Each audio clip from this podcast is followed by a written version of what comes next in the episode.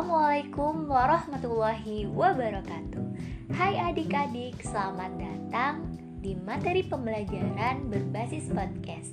Kali ini kakak akan menceritakan sebuah cerita yang berjudul Kisah Buaya yang Serakah. Nah, cerita ini ada di pembelajaran 4 pada tema 8 di kelas 4 Yuk simak ceritanya seperti apa.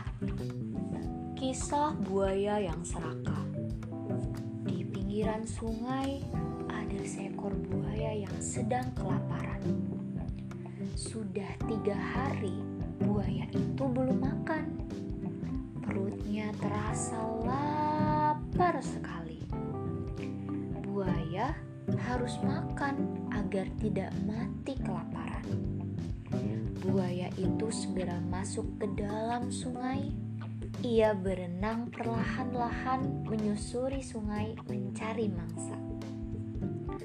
Buaya melihat seekor bebek yang juga sedang berenang di sungai. Bebek tahu dia sedang diawasi oleh buaya. Bebek segera menepi, melihat mangsanya akan kabur Buaya segera mengejar dan akhirnya bebek pun tertangkap. Ampun buaya, tolong jangan mangsa aku. Dagingku sedikit. Kenapa kamu tidak memangsa kambing saja di dalam hutan? Ucapnya seraya menangis ketakutan. Baik, sekarang kau antar aku ke tempat persembunyian kambing itu. Perintah buaya dengan menunjukkan taring yang sangat tajam. Berada tidak jauh dari tempat itu, ada lapangan hijau tempat kambing mencari makan. Benar saja, di sana ada banyak kambing yang sedang lahap memakan rumput. Pergi sana, Aku mau memangsa kambing saja. Bebek merasa senang, kemudian berlari dengan kecepatan penuh. Setelah mengintai beberapa lama, akhirnya buaya mendapatkan satu ekor anak kambing yang siap dia santap. Tolong, jangan makan aku. Dagingku tidak enak. Aku masih kecil. Kenapa? Kamu tidak makan gajah saja yang dagingnya lebih besar? Aku bisa mengantarkan kamu ke sana. Baik, segera antarkan aku ke sana.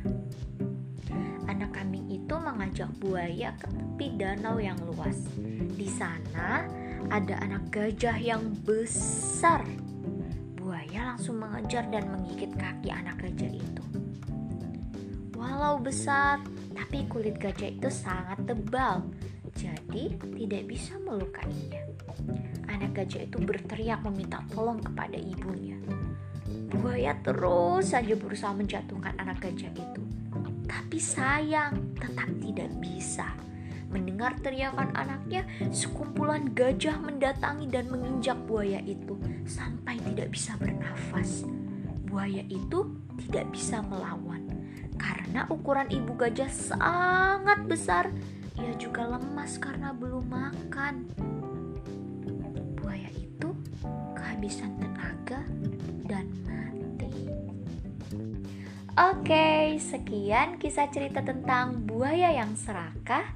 Selanjutnya, gimana nih? Adik-adik udah bisa paham kan tentang ceritanya? Nah, supaya lebih paham lagi, yuk kita kerjakan evaluasi pembelajaran 4. Di sana ada beberapa pertanyaan yang berkaitan dengan teks fiksi yang telah dibacakan. Nah, coba tebak sebelum mengerjakan. Teks fiksi tadi itu termasuk jenis dongeng apa ya? Yuk, langsung dijawab dan selamat mengerjakan.